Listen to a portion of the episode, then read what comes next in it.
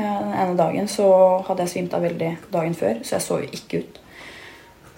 Og jeg, det var bare jeg hadde så vondt, så bestilte jeg pizza på døren. For jeg orket ikke ut. For Tina Andresen har smerter og harde møter med gulvet pga. besvimelser vært en del av hverdagen siden hun var liten.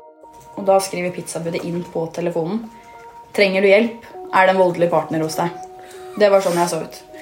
Og det, si, det sier jo også sitt når man er så skamslått at et pizzabud blir ordentlig bekymret for deg.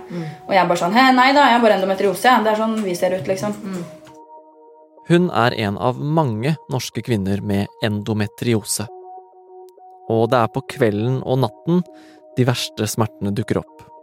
De kommer fra magen hennes, området rundt livmoren. Selv om Tina aldri har født, så vet hun hvor vondt det kan være. For det er det jeg har fått beskjed om at smertene mine kan sammenlignes med en fødsel. Jeg bare får ikke noe premie til slutt med en unge. Endometriose føyer seg inn i en lang rekke med tilstander som først og fremst rammer kvinner, og som ikke har vært prioritert i helsevesenet.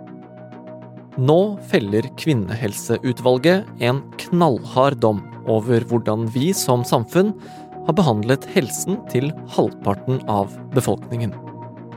Du hører på Forklart fra Aftenposten, og jeg heter David Bekoni. I dag er det 8. mars. Tina er en 26 år gammel jente som har flyttet hjem til faren sin fordi hun var så dårlig. Hun er ufør og har en trygghetsalarm rundt håndleddet som hun kan trykke på når smertene blir for ille. Da kan hjemmesykepleien i kommunen komme hjem til henne med sterke medisiner. Tina ønsker veldig å bli mamma en gang, men pga. sykdommen hennes er det ikke sikkert hun kan det, for endometriose kan gjøre det vanskelig å bli gravid. Anine Hallgren er journalist her i Aftenposten, og har fulgt Tina Andresen det siste halvåret. Og tatt opptak av samtalene deres om den smertefulle sykdommen endometriose. Når det er, man får så vondt at hjernens siste mekanisme er å koble rett ut og svime av, da, Ja, det er det som skjer med deg, ikke sant? Ja, det er smertene som tar meg. Eh, og da har man jo så vondt når kroppen rett og slett ikke klarer å stå i smerten lenger og bare Ok, nå må jeg ha en downshot. Eh, og da, da har man vondt. Endometriose er en kronisk sykdom. Det er vev som ligner det som er inni slimhinnen i livmoren, som vokser andre steder i kroppen. Det kan vokse for eksempel på eggleder eller eggstokker, utenpå livmoren, på tarmene eller på blæra. Så mange som en av ti norske kvinner har dette, og det er veldig ulikt hvordan man opplever å ha sykdommen, og hvor alvorlig det er for den enkelte. Rundt 4% av de kvinnene som har dette, er hardt rammet av symptomer og sterke smerter, slik som Tina. For Tina begynte det da hun fikk mensen veldig tidlig, som syvåring, og det har ført med seg intense smerter. Hun har fortalt at hun trodde at alle hadde vondt når de hadde mensen, at det er normalt, eh, og hun har holdt symptomene ganske godt i sjakk i mange år og brukt alt mulig av prevensjonsmidler for å dempe smertene. Eh, Og hun fortalte meg at hun trodde det var normalt å ha så vondt, og hun visste ikke om at dette kunne være noe annet. Jeg har hørt venninner si at å, ja, mensen, jeg har så vondt. Og jeg har jo hele tiden trodd at de har hatt samme smerter som jeg har. Men det er først nå i ettertid vi skjønner at vi har totalt forskjellige smerter. For de har jo aldri vært besvimelse eller ambulanse eller sykehus- og innleggelsessmerter. Tina har hatt mye smerter og mye utmattelse i mange år. Eh, Dette er faktisk vanlige symptomer på endometriose, men det er jo også vanlig ved andre sykdommer. I Norge så tar det gjennomsnittlig syv år å få stilt diagnosen, ifølge Endometrioseforeningen. Og det er kanskje problemet, at mange av de symptomene som disse kvinnene har, de er veldig typiske, og så er de litt uklare, litt diffuse, og derfor finner man kanskje ikke alltid ut hva som feiler en. For Tinas del så er det først etter at hun hadde en operasjon for litt over et år siden, at hun fikk beskjed om at hun hadde endometriose. Man må jo gå inn kirurgisk, altså legges i narkose, for å få bekreftet at det er endometriose. På sykehuset i Bergen så fant de endometriosevev flere steder i Tinas kropp. Ikke mye, men de fant det, og det ble fjernet. Og da tenkte Tina at eh, nå går det bra, nå er det over, nå er smertene borte. Men det hun ikke visste da, var jo at det skulle bli verre enn noensinne. En uke etterpå så smalt jo med smerter og svimte av på rappen og på rappen og på rappen. Og på rappen. Og med de nye smertene kom også øyeblikket som skulle snu opp ned på livet til Tina. Det har gått åtte minutter. Som jeg ikke kan gjøre rede for.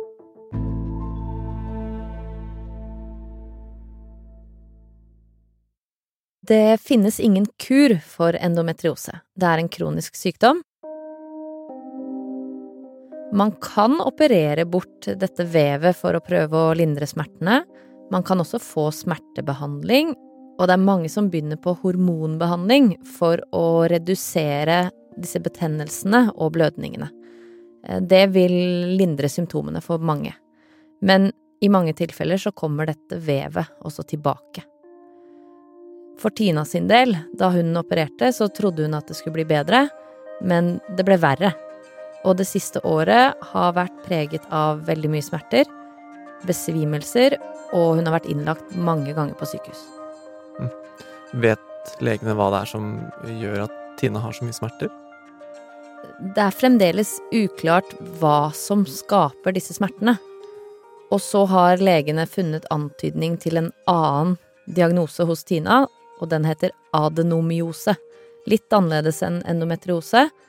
Eh, adenomyose er en tilstand hvor livmorslimhinnen, som normalt kler livmorhulen, vokser inn i muskelveggen av livmor.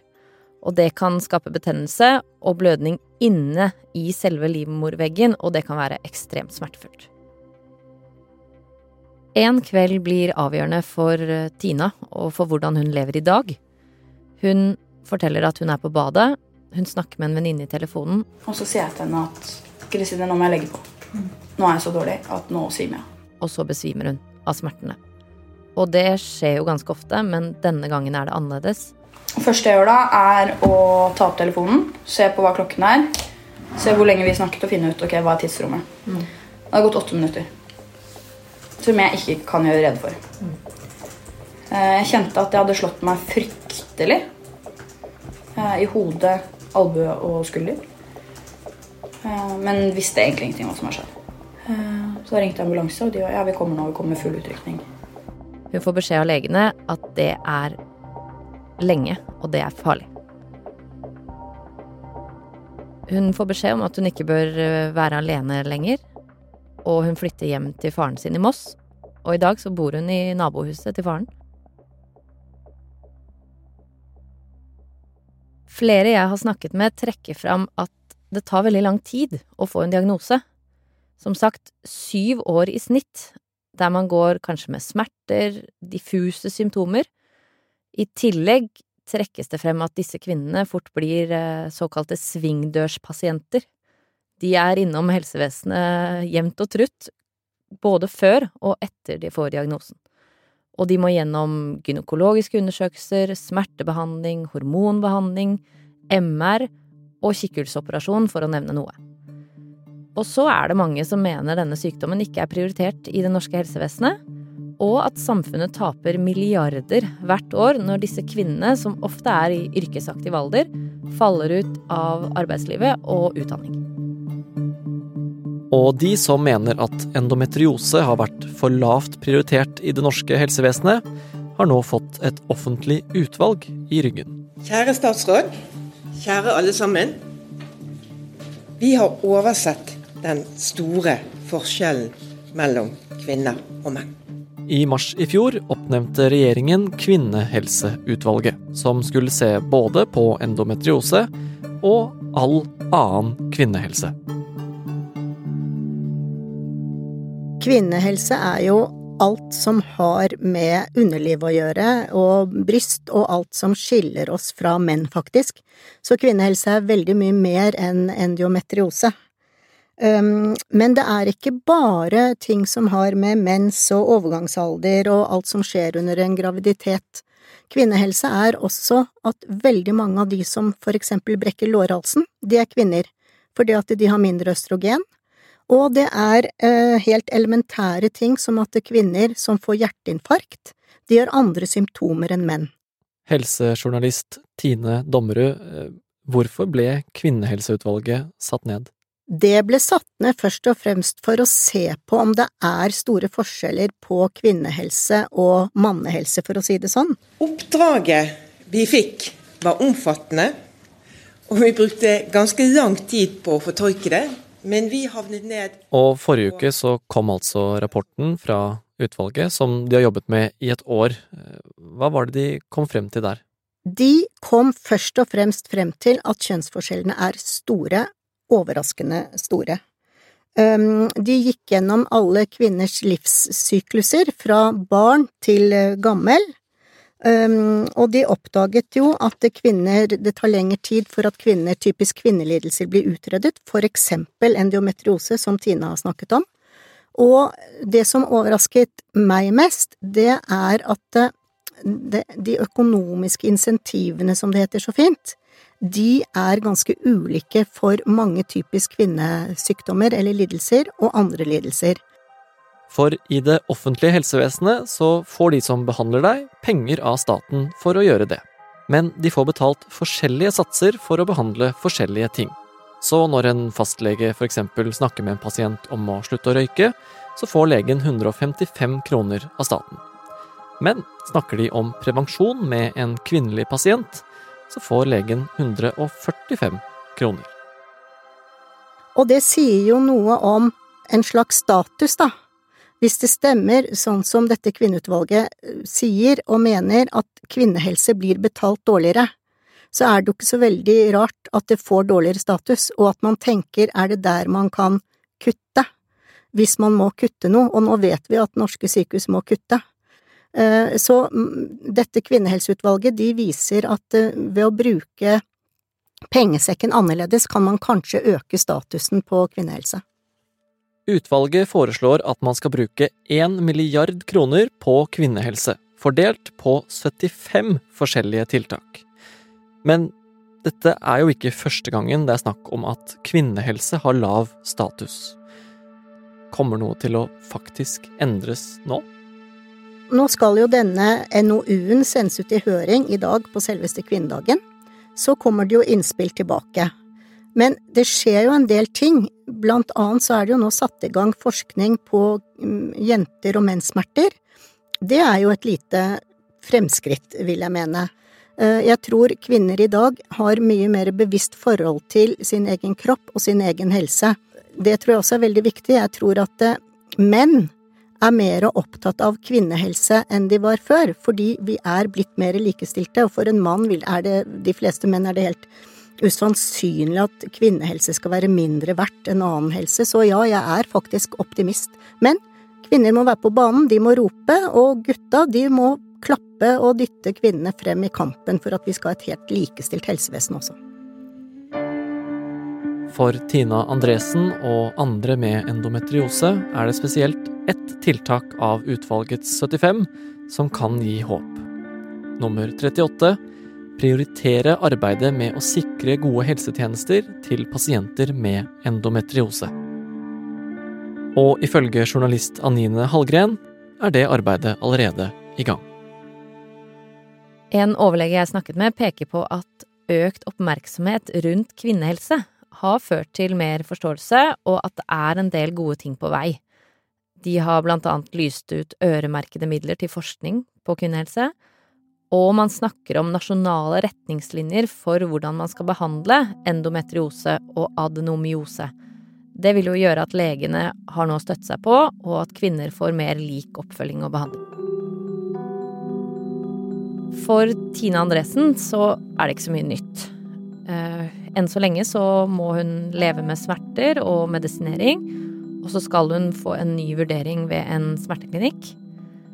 Det er én ting som kan være aktuelt for pasienter med samme diagnose som Tina. Noen med endometriose og adenomyose får nemlig livmoren fjernet for å forhåpentligvis redusere smerter og plager. Men Tina vil ikke det. Mitt største håp og ønske i livet helt fra jeg var liten, er jo å bli mor og kunne bære frem et eget barn. Eh, Så selv om det frister innimellom å bare rive ut alt som er, så skal det mye til. Nå håper hun på bedring, mindre smerte og mer livskvalitet. Jeg skal ikke finne meg å ha, ha det sånn resten av livet. Jeg skal ut og ha det gøy igjen. Jeg. Ut og jobbe. Gjøre vanlige ting.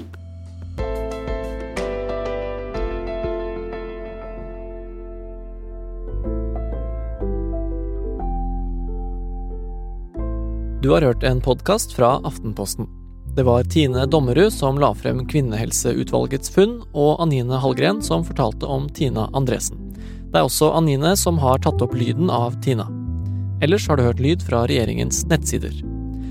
Denne episoden er laget av produsent Jenny Førland og meg, David Vekoni. Resten av Forklart er Trond Odin Johansen, Philip A. Johannesborg, Synne Søhol og Anders Weberg. Nå som du har hørt denne episoden ferdig, så kan du jo sjekke ut den nyeste episoden av Poprådet som kom i går. De tar annet for seg et viktig popkulturelt tema som Jenny og jeg brukte hele lunsjen på å snakke om i går. Justin Bieber, Hailey Bieber og eksen Selena Gomez. Hør den i Aftenposten-appen eller i Podme, og Forklart hører du akkurat der hvor du liker å høre på podkast. Hver ukedag.